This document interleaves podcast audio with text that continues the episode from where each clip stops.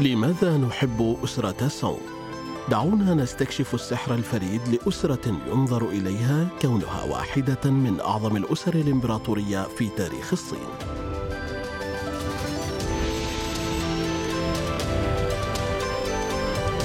الحلقة الخامسة والعشرون تراث أسرة سونغ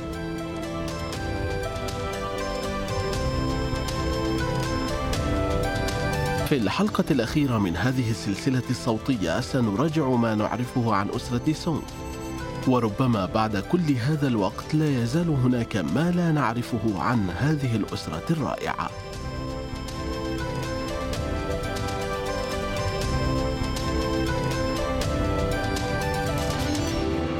معكم أحمد شلش في هذه السلسلة الصوتية لماذا نحب أسرة سونغ التي تسلط الضوء على أحد أبرز المعالم في تاريخ الصين العريق.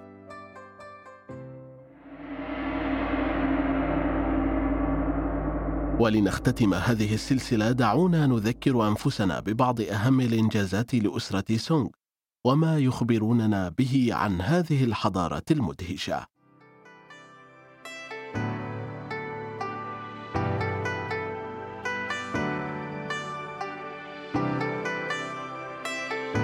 شهدت أسرة سونغ نموا اقتصاديا مذهلا حيث أرست الأسس المبكرة للتنمية الصناعية في الصين في وقت لاحق.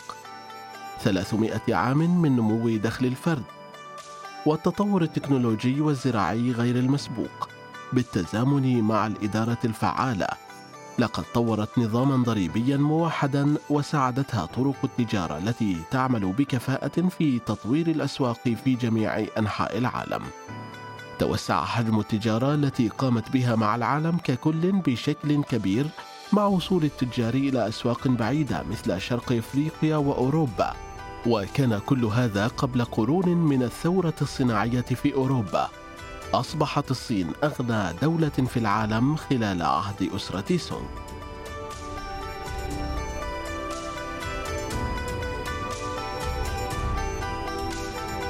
أدى هذا التوسع الاقتصادي غير المسبوق إلى المزيد من التغيرات الرمزية مثل توسع الطلب على العملات النحاسية إلى ستة مليارات قطعة نقدية سنوياً الأمر الذي أدى بدوره إلى تحول الأسرة الحاكمة إلى مواد أخرى للتجارة وخلق أقدم الأوراق النقدية الورقية في العالم جاوتسو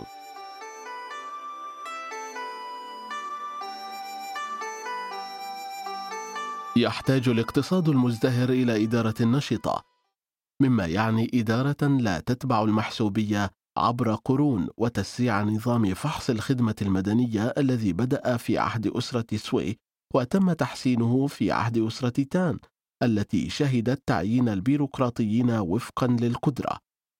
خلال عهد أسرة سونغ اكتسب النظام أهمية غير مسبوقة واصبح الطريق الوحيد للحصول على وظيفة في الحكومة. كان يعني أيضا أن الفرص متكافئة وعادلة للجميع. من الناحية النظرية يمكن لأي شخص يتمتع بالقدرة أن يرتقي في الرتب ويحقق ثروة. إن الانخراط في السياسة والإدارة يعني أكثر من مجرد إدارة الشؤون. يتطلب معرفة الفنون أيضا. ظهرت طبقة فنية كاملة ومتعلمة تعليما عاليا الأدباء.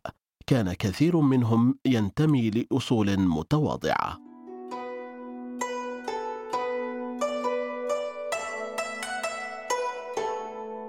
غالبا ما يستشهد بقصة لي مين جونغ رئيس الوزراء في عهد الإمبراطور تايتسون لأسرة سونغ على أنها قصة ملهمة عن التواضع. في يوم شديد الحر عندما كان طالبا أراد شراء بعض البطيخ ولكن لم يكن لديه ما يكفي من المال. لذلك جمع بعض الفاكهة التي تركها تاجر في السوق. في وقت لاحق حصل على أعلى الدرجات في الامتحان الإمبراطوري. وبعد أن أصبح رئيسا للوزراء عاد إلى المكان الذي التقط فيه البطيخ وبنى جناحا هناك للدلالة على أنه لم ينس فقره السابق وعيشه المتواضع. وكنوع من التشجيع للطلاب الفقراء. خلال الفترة الأخيرة من أسرة سونغ أنشأوا أول أسطول صيني دائم. كان ذلك إلى حد كبير لمواجهة تهديد أعدائهم من الشمال. جين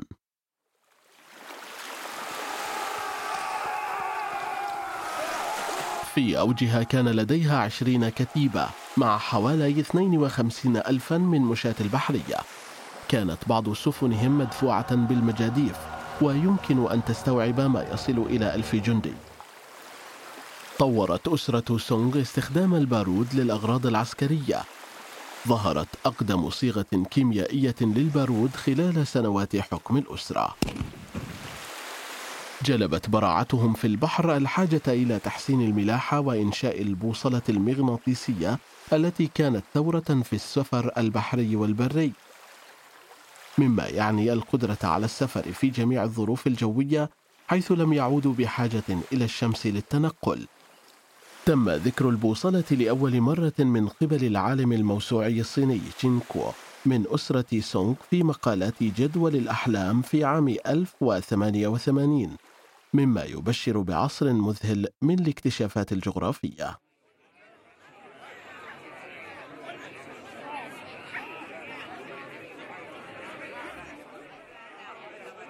كان شعب أسرة سونغ بارعين في المراقبة والتحقيق. تميز سو سونغ كعالم رياضيات وفلك ورسام خرائط وصانع ساعات وكيميائي وجيولوجي وعالم معادن وعالم نباتات وأي شيء آخر يمكنك تخيله. لقد جمع التقنيات لإنشاء برج ساعة فلكي مذهل تديره السلاسل والهيدروليكا الذي كان يعد من عجائب العالم. تم تفكيكه من قبل البرابره الغزاة في وقت لاحق ولم يعرف أحد كيف يعيد تجميعه مرة أخرى.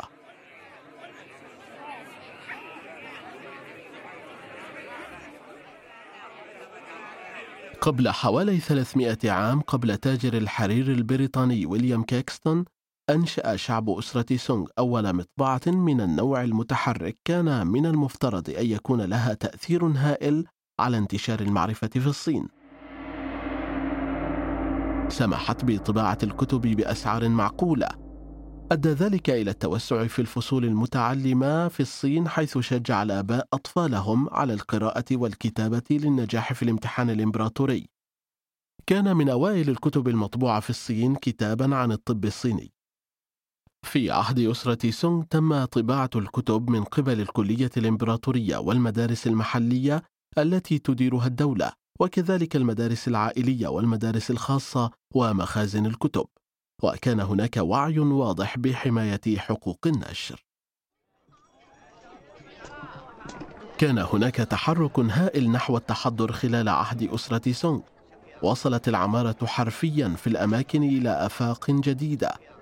يعتبر المعبد الحديدي في كايفن تحفة معمارية لأسرة سونغ. معبد اليهودي في دير تايوان في دين جاو يقف على ارتفاع 84 مترا وهو أطول معبد من الطوب موجود في الصين. بخلاف هذه المعابد تم بناء جسور ضخمة. في المدن كان هناك العديد من التجار والحرفيين والمسؤولين. كما بدأت أسرة سونغ لأول مرة في تسجيل الأسر الحضرية لإدارة هؤلاء السكان الدائمين. لم يعد التقسيم الصارم السابق للعلماء والمزارعين والحرفيين والتجار سائدا وكانت هناك تحولات متكررة بين الفقراء والأغنياء وبين النبلاء والمتواضعين. أخذت مكانه التجار في الارتفاع. كان علماء الرياضيات مشغولين أيضا خلال عهد أسرة سونغ. اخترع جياشيان مثلثه الذي يحمل اسمه والذي يتنبأ بعدد الاحتمالات في ضوء عوامل ثابتة معينة. هذا قبل حوالي 500 عام من تحقيق عالم الرياضيات بليز باسكال نفس الشيء في فرنسا.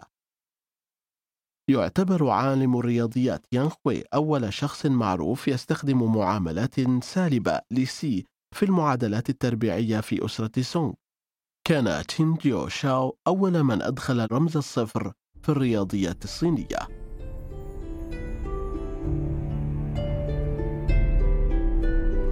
نحن نعتبر علم الطب الشرعي شيئا حديثا فريدا ولكن لا ربما خمنتم ذلك. لقد كان سكان أسرة سونغ يمارسونه بالفعل ويعود ذلك إلى حد كبير إلى شعرهم الذي تم غناؤه موشحات تص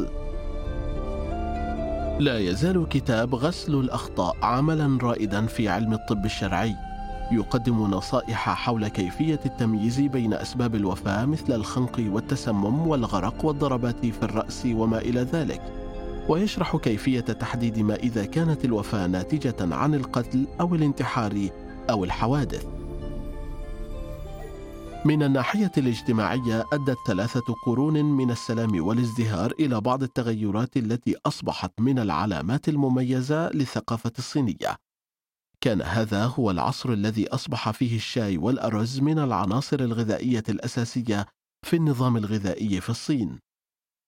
لقد كان عصرا ذهبيا للرسم والخط والشعر، وخاصة الشعر الذي تم غناؤه سونغ تزو الذي كان له جذوره في الأغاني العرقية في شوارع وأزقة مدن أسرة سونغ.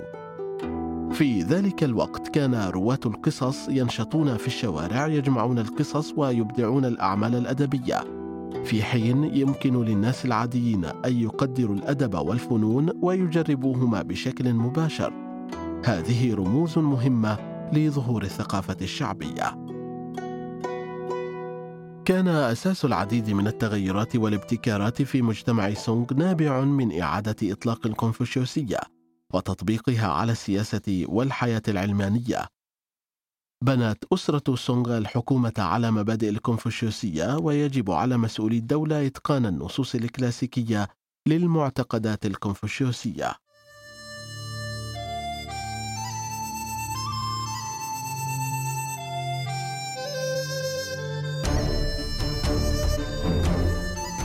من الصعب معرفة ما إذا كانت كل هذه الاختراعات والابتكارات قد نشأت عن براعة شعب أسرة سونغ أم أنها كانت مجموعة وإجمالية كل هذه الإبداعات. من المؤكد أن أسرة سونغ كانت بمثابة عاصفة كاملة من الإبداع والتنمية الاجتماعية والاقتصادية. ربما يكون أكبر إنجاز على الإطلاق هو أنه اليوم بكل ما لدينا من علوم وتكنولوجيا ووسائط متعددة ومعرفة وفكر ما زلنا نتعجب من إنجازات أسرة سونغ لكن لا يزال هناك سؤال في غاية الأهمية ترك دون إجابة أين ذهبت أسرة سونغ؟ بعد البقاء على قيد الحياة وما حققته على مدار 300 عام ما الذي تسبب في تدمير الأسرة وكل ما أبدعت؟ جاء البطل كوبلا خان وهو محارب عظيم تحالف مع أسرة سونغ لهزيمة أعدائهم القدامى جين. ولكن بعد هزيمة جين انقلب كوبلا خان على أسرة سونغ واستمر في غزو كل الصين أنشأ أسرته الخاصة يوان. لكن هذه قصة أخرى. كان معكم أحمد شلش. أتمنى أن تكونوا قد استمتعتم بالتعرف على أسرة سونغ بقدر ما استمتعت أنا شخصيا. ومثلي تماما استلهمت منهم كثيرا من الحياة التي أعيشها اليوم. شكرا على حسن استماعكم. شكر خاص إلى سانيان تشوندو الذين ساعدوا في تأليف محتوى هذا البرنامج.